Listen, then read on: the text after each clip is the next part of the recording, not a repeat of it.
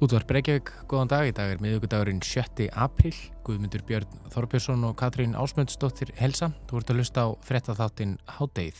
Svikarhappar og lottarar leynast víða. Það mætti að mynd, minnstakosti ætla með að við alltaf afþreyingarefni hverja bíómyndina, hlaðvarpserjuna, Netflix, þáttaröðuna, heimildamyndina og bókina á fætur annari um þá. En hvað er það við einmitt þessa glæpamenn og þessa tegund glæpa sem heillar og selur? Er það tilfellið að lottarar leynist á hverju hodni eða höfum við sérstaklega gaman af sögum þeirra? Við berum áliðundir Margreti Valdimarsdóttur, doktor í afbrotafræði og dósend í lauruglufræði við Háskólan á Akureyri í síðari hluta þáttarins.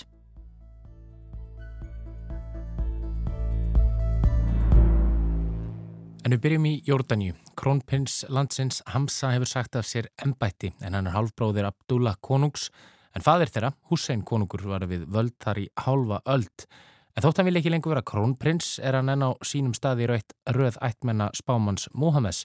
Þetta er þið flóknasta mál og hinga til að útskýra það er komin Gunnar Hafn Jónsson, bladamæður og sérfræðingur í málöfnum mið Östurlanda. Velkomin Gunnar. Takk. Um hvað snýst þessi deila? Þetta er nær, náttúrulega mjög langt aftur eins og gefur að skilja með að við að verum að tala um, um afkomendur spámannsins sem eru orðnir hvað 41 uh, sagt, það eru 41 kynnslóð sem er komið aftur hann, mm. hérna, og Hashemeita ættin í Jórdarníu hefur, hefur tilkall til uh, uh, moskunar sem er næst heilagasta moska í, í, í öllum, öllu Íslams, maður er í Jérúsalem maður er hérna að lagsa moskan. Hann er að þetta er mjög mikilvæg ætt og hún hefur uh, gert mjög umdelda hluti gennum tíðina.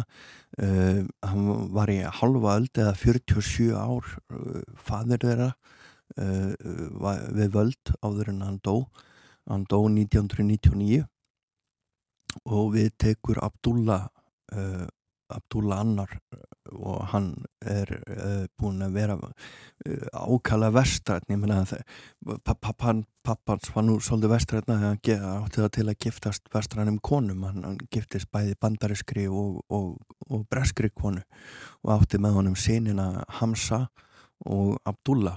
Og Abdullah var konungur sem var sonur uh, breskrar konu og Hamza sem var sonur bandariskar konur uh, var gerður krónprins. Þannig að hann ætti að vera næstur í, í, röðinni en eins og þú segir þá er hann nú búin að segja af sér öllum ennbættum en það er hann búin að vera í stofufangilsi í einhverjar vikur. Og þetta er yngri bróðir sem sagt Abdullah Konungs. Já, er, hann er halv yngri, hann er yngri bróðir hans að halvuleiti hann, hann Og hvers vegna er hann búin að segja af sér og, og hvers vegna er hann í stofangilsi? Hann, hann hefur gaggrínt mjög stjórnvöld og segir hérna uh, að þetta sé uh, í raun og veru uh, feik umbætur, þetta sé ekki raunverulegar umbætur sem hefur átt sér stað í landinu, það hefur búin að vera margt sem hefur gerst svo sem, það hefur, hefur verið sett þing og það hefur verið kosið og það hefur verið ímislegt uh, uh, gert til þess að auka líðræði í, í landinu og ég meina konungurinn sjálfur í dag uh, er eini konungur í heiminum sem hafa nokt til mann komið fram í Star Trek mm. Hann, hann hérna, var í, í Voyager hérna, í einum þætti hann, hann fekk reyndir ekki að segja hann að línu þetta er bara svona eins og í uh, The Sims uh, leiknum, tölvuleiknum eða veist hvernig mm -hmm. uh, fólk talar þar mm -hmm. hann, hann lappa bara inn og segir eitthvað Robertson Trathers Robertson og hérna svo lappar hann bara út Já. en enga síður það sýnir að svona, hann er svona frekar vestrætt maður og, og, enga, -hmm. og hann er svona þótti líklegur til að vera umbúta sinni þegar hann tók við í 99 og ég fór einmitt til uh, Jórdaníu um uh, cirka tveimur árum eftir, eftir að það gerðist og þá voru menn mjög vongóðir um, um, um, um að hann myndi, myndi breyta ríkinu til þess betra. En þessi yngri bróðurnars er það ekki? Nei, þessi yngri bróður hann segir að í raun og veru að hann bröðist uh, öllum, það er liðin núna 22-3 ár síðan hann tók við ennbætti og, hann segir að, að, að, hérna, að sama spillingavaldið síðan þá við uh, völd að, klíkan í kringum krúnuna hafi ekkit breyst að, hérna, bróðir hans hafi ekkit losað sig við þessar gömlu kalla sem að hérna í raun og veru voru valdið í kringum uh, uh, uh, það er alltaf bílunur að assist fyrst mér að tala um ætt bálka samfélag mm -hmm en uh, sko þetta er svona uh, Edvard Said gaggrindi það mikið að tala um ættbalka samfélag hann sagði að það væri mjög rasísk nálgun en það er svolítið erfitt öðruvísi að tala um þetta því að við erum að tala um ættir sem eru mjög flókin og flóknir og ættbalkar í raun og veru sem að stýra landinu með einum og öðrum hætti og, og efstur er alltaf Hashemita mm -hmm. flokkurinn sem er afkomandi Mohameds í 40. og fyrsta lið En svo við komum aftur að því hvað verður til þess að hann já, stígur af stóli sem krónprins hann yngri bróður hann, hann er í raun og veru komin daldi út í hotn, ég held að hann hafi verið að augra bróður sínum, ég held að hann hafi alveg viljað í raun og veru vera settur í fangelsi. Ég held að hann hefði jáfnveil frekar vilja vera settur í fangelsi frekar en í, stofufangelsi. Hvers vegna var hann í stofufangelsi? Hann er í stofufangelsi fyrir það að hafa brotið gegn uh, stjórnarskrálandsins eða í rauninu hann er með einhverja svona kærur sem snúa því að, að, að hafa brotið gegn konungnum og ekki virt konungin en hann byðst, sko það er mjög áhugavert að, að, hann byðst afsökunar í, í, í því þegar hann gefst upp hérna, og segir af sér þá er, er hann að, að byggjast, sko, sko að þú lest þetta þá ljómar þetta bara eins og maður að leggjast á nén og bara, bara byggast fyrirgefninga fyrir framar Guði og fyrir, fyrir að hafa allt sem hann hafa verið, hafa amt fyrir sér og allt dararara. en ef þú skilur arabíska menningu, sérstaklega jórdanska menningu, þá lítur þetta allt öðru fyrst út, af því að þá er í raun að vera algjör algjör svona, ef þú talar í, í, í tungumáli rapsins, þá er þetta svona dissalbum mm. hann, hann er algjörlega dissan, hann, mm. hann er að segja sko, hérna, bara fyrirgeðu mér fyrir að hafa ekki verið nú auðmjúkur fyrir framann svona stórgóðslegum leðtoga og eitthvað, það er hæðin í þessu. En hvað þýðir þetta fyrir Abdullah konung? Eh, þetta þýðir það, þetta verður haft mjög áhugaverð áhrif á netinu sem er nú eh, svona að reyðja sér rúms í Jórdaníu, það verður verið aldrei lengi lélegt internetsambandar en, en, en fólki fara að nota það meira og á Twitter er, er hams, hamsa að, hérna, að trenda eins og maður mm. segir mm og fólk er að, að segja hérna þetta sé bara rétt hjá hann að hérna að þetta sé gerfið um bætur og, og hérna og bróður hans sé hérna sem er nú orðin tölvöld eldri en var þegar tók við þá þessu ungur og ferkljóð þegar tók við. Þessi fætti 1962 og hann er orðin farin að líta út meira eins og gammal uh, maður sem hefur ekki alveg tökin á allu mm. En það er stunduð sagt að, að Jordania sé svona með svona frálslitastu ríkjum þarna í miðausturlöndum. Uh, er, er þá sínir þessi stuðningur við yngri borðin Hamsa þá e, að það sé kannski já fólk vilji, vilji það kannski ekki? Ég held að stuðningur við yngri bróðurinn bróðurinn Hamsa uh, muni í raun og veru verða einhvers konar uh, hlýðarmenning eða svona subkultur eða þannig mm. ég held að hann er eftir í að mynda einhvers konar stjórnmálarhefingu sem að verður vantarlega þá bannuð í landinu hann, hann er að augra sko það sem hann er að gera er fyrst og fremst að augra bróðu sínum til að hætta að vera uh, uh, að líti út eins líðræðislega og hann getur skilur, mm að, að, að bróðir hans er mentaður í Breitlandi og hann var í Oxford og lítur rosalega vel út með, með þú veist, með bara, ég held í breska mömmu og, og hérna giftist bandaríski konu og þetta er allt voðalega vestrænt og, og liðræðislegt en hann, hann er á augrónum til þess að, að ganga alla leið og, og bara setja sér í fangelsi og hérna og bara sína sína í raun og veru hvernig kerfið virkar í raun og veru í Jórdaníu því að í Jórdaníu er ekki eins mikið frelsi eins og það lítur út fyrir á yfirborðinu. Hann, hann, hann, hann vill eh, í raun og veru vera uh, tekin fyrir og eh, hann vill að bróðir sinn sínir sér harlendi uh, ég er ekki verið sem hann falli fyrir því. Einmitt, við komumst til mér ekki lengra með þetta í dag, kæra ekki fyrir komin í hátegi Gunnar Rapp Jónsson Og það var allt öðru. Svikarhappar og lottarar leynast víða eða það mætti að minnstakosti ætla með að við allt afþreyingarefnið, bíómyndina, hlaðvörpin, Netflix, þáttaraðirnar, heimildamyndirnar og bækurnar sem gefnar eru út hver og fætur annari um, um þá. En hvað er það einmitt við þessa tegund glæpa og glæpa manna sem virðist heitlast svo mjög og seljast svo vel? Er þetta bara svona algengt eða er eitthvað við þessar sögur sem heitlar og Þá hvað? Við spurðum Margreti Valdimarsdóttur afbrótafræðing og dósend í lauruglufræði við Háskólan og Akureyri nánar út í málið. You can find a bit of everything on Tinder. I have three friends who have met their husbands online. He gives me so much. Do you really believe that he doesn't want your money? He needs our cash. $20,000, $30,000. $140,000. Threats, harassment, intimidation. We have no idea what he's capable of. It's just been fucking hell. You to report me? You're gonna pay for it. That's when police tell me the man I loved was never real.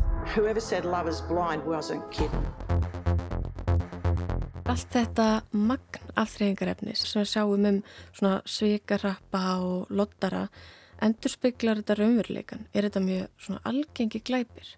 Sko þeir eru til dæmis að við hugsun bara um netglæpi almennt á Íslandi að þá eru held ég að þeir séu nú kannski ekkert mikið algengar en bara innbrott mm. eða aðri þjófnaðir en þetta er náttúrulega ennþá frekar nýtt trátt fyrir að interneti sé ekki alveg glæð nýtt en þá er samt sko þessi tegund af afbrotum er frekar ný og þetta hefur verið að aukast og ég held þetta í eftir að aukast enn meira. Mm. þannig að endur speiklar þetta já, tíðnina raunverulega tíðni, hversu miklu meira er af svona afbrotum heldur en annari tegundur af afbrotum? Nei, ekki alveg held ég En ég held að það sé mjög skýr ástæða fyrir því afhverju þetta er svona mikið í afþreyingarefninu núna því að þetta hefur svo margt annað en bara afbrott sem okkur finnst greinilega mjög skemmtilegt afþreyingarefni. Þetta hefur sko þennan svakalega lífstíl, peningar, merkjavara, glamur, samskiptamiðlar og áhrifavaldar og stefnumótaforrið hvað er ekki að elska? Veist, þetta er allt þetta sem að fólki finnst ég greinilega áhugavert að horfa á sko. Og ég er ekki að gera lítið úr því ég er búin að sjá þetta líka á Netflix þess að eitthvað þessu þáttum að minnstakosti í einhverju svona hefbundnu innbroti þar sem er kannski alveg jafn mikið skipulag og fólk er að tapa miklum fjárhæðum og þar vantar glamúrin sko. Þess vegna erum við ekki að sjá raunveruleika þætti um svoleiðsbrott. He asked me if I wanted to travel with him on a private jet. London, Venice, the Bahamas. Beautiful hotel, the everything over the top, the beautiful dinners. It felt like stepping into a movie. Auðvitað eru tilefni og ástar baki glæpum rosalega margvísleg. Og maður veit og þekkir til þess að fólk fremur kannski glæpi til dæmis af neyð. Já, já. en þarna hugsa maður sko eins og ef við tökum bara sem dæmi hana önnu Delvi eða önnu Sorokin sem að þóttist vera auður þýskur erfingi og vilt á sér heimildir í New York og bjóð sér til status og fekk uh, fullt af pening meðal annars frá böngum, mm -hmm. lán. Og hún er augljóslega klár ung kona sem að stóðu mjög margar dýraopnar, af hverju fekk hún sér ekki bara vennulega vinnu eins og við hinn? Já, akkurat, góð spurning. Það er kannski þessi svakalega þrá í skjótan gróða sem að hefur ítt við hennir og, og hérna, að því að ég var að taka dæmi með inbrót á þann að þá, þá sko rannsóknir sína að fólk sem brítur af sér og megin ástæðan er oftast bara hérna þú veist, þú talar um alls konar orsakir, grunn orsakir fyrir afbrotum en ef við bara færum okkur alveg af hverju ertu að brjótast inn á bara peningar og munurinn þarna er að eins og þetta fólk þau mynda tengst við fórnalömpin sín eða fólki sem mm. er að svíkja og þess vegna sko að því að fólk sem til dæmis brýst inn það getur réttlætt brotin sína á ymsan hátt og rannsóknir sína að algengar réttlætingar eru til dæmis bara Uh, já, þetta er tryggingamál, þau eiga svo mikið pening, ég á svo erfitt og, og, hérna, og þetta skiptir einhver máli og, og hérna, næra réttlæta þetta og þá spyr maður sér hvernig fara þau að því að réttlæta þetta mm -hmm. en mhm. að því að þau hljóta að gera það. Það er, svo, það er svo rosalega erfitt að ganga svona langt á þess að hausnum á þér getur á einhvern nátt réttlæta. I don't see this case as a crime at all. How about that? What, what was that so criminal that I've done? Í þessu samhengi þá, þá langar mig að nefna að því að okkur finnst þetta svo svakalegt og líka bara allt þetta fólk láti blekkjast. Sko þá fer ég að hugsa um kúltúr í kringum bara fjármála heiminn, bankastarfsemi, Ísland fyrir hrun. Þar sem að, að helstu hetjur samfélagsins voru þessir ungu svakalega kláru bankamenn sem allt í unn urði alveg fáránlega ríkir og okkur fannst þeir bara svo svakalega merkilegir og hérna hljóta vera svo svakalega klárir og, og við, ég er ekki bara að tala, þú veist, við erum að tala um stjórnvöld, letu blekkjast, landsmenn fóru að taka heiminhá lán og, og kaupa sér alls konar hluti og, og það er bara þessi svona andi í samfélaginu. Þetta er ekki, þetta er ekki algjörlega ósvipað. Þarna er sama elementið í gangi þessi svona skjótur gróði að eignast peninga vegna þess að það eru peningar sem gera þig að svona sem eru merkjum gæði þín sem mannesku Well, if someone is impressed by a hundred dollar bill, I don't know what to tell them Mikið af þessu fólki leggur mikið upp úr einhvers konar status, yfirborskendum status og sína ríkmannlega lífstílinn mm -hmm. sem þau eru að lifa eða Er það mögulega líka hluti af vandamálinu það hvernig við sem samfélag eigum það til að, nú veit ég ekki íslenska orði, glorifæja einmitt, auðæfi, eignir, lífstíl, ímynd, samfélagsmiðla útkomuna? Ég held það og ég meina hvaða manneski er með flesta Instagram fylgjendur bara í heimi. Ég held að sé Kim Kardashian eða hún er að minnstakosti mjög nálagt því og nú er ég ekki að gera lítið úr henni sem bara koni í viðskiptalífinu, hún mm. alltaf bara hefur gert ímislegt, en hún er auðvitað fyrst og fremst stjarnar fyrir að vera stjarnar og lifa svona stjörnu lífstíl. I have the best advice for women in business. Get your f***ing ass up and work. Og nú vil ég ekki hljóma þessu okkur svona miðaldra kona sem er að hérna, agnúast út í unga fólkið á hérna, samskiptamilum, en svona ég held að ef við bara hugsaum um þessa þætti og þessa svikarhappa í þessu samengi þá er þetta algjörlega já bara grunnurinn held ég. My diamond earring came off in the ocean and it's gone. And there's people that are dying. Ég meina hóflegu lífstíl er bara ekkert spennandi það er ekkert gaman nema að þú getur einmitt verið að lifa einhvers konar lífi sem að meiri hluti fólks á ekki sjensi. Get the money! Anna stole a jet! Sometimes you gotta fake it till you make it. Já, þetta er kannski svolítið svona peningar og fræð svona sama hvað það kostar sko og vera allræmdur er líka fræð í rauninni. Já, já, einmitt og, og í þessu samingi var ekki uh, hann hérna ástarsveikarrappurinn, hann er búin að taka út sína refsingu fyrir sitt brot og er nú komið umbósmann og, og það er ekkert ólíklegt að að við um eftir að sjá meira af þessu manni. Mm -hmm. hann á eftir að hérna, þú veist, við fordæmum hann en samt svona höfum rosalega náhuga á því sem hann er að gera. Og hún Anna er með fleiri Instagram fylgjendur núna heldur en áður Hún sagði með þetta fyrsta sem hún gerði þegar hún losna úr fangelsi var að fara á samfélagsmiðla og svo heyrði ég að hún hefði líka gert uh, bókasamning um lífinar og reði vist tökulið til að fylgja sér fyrstu dagana eftir að hún losnaði út. Of course, as always. Ungir fátaki menn sem brjótast inn, það er engin að gera bókasamning við þá eftir að þeir taka út sína refsingu. Það er þessi hérna, lífstíl. Hvað er það sem við fáum sem áhorfendur út úr áhorfinu?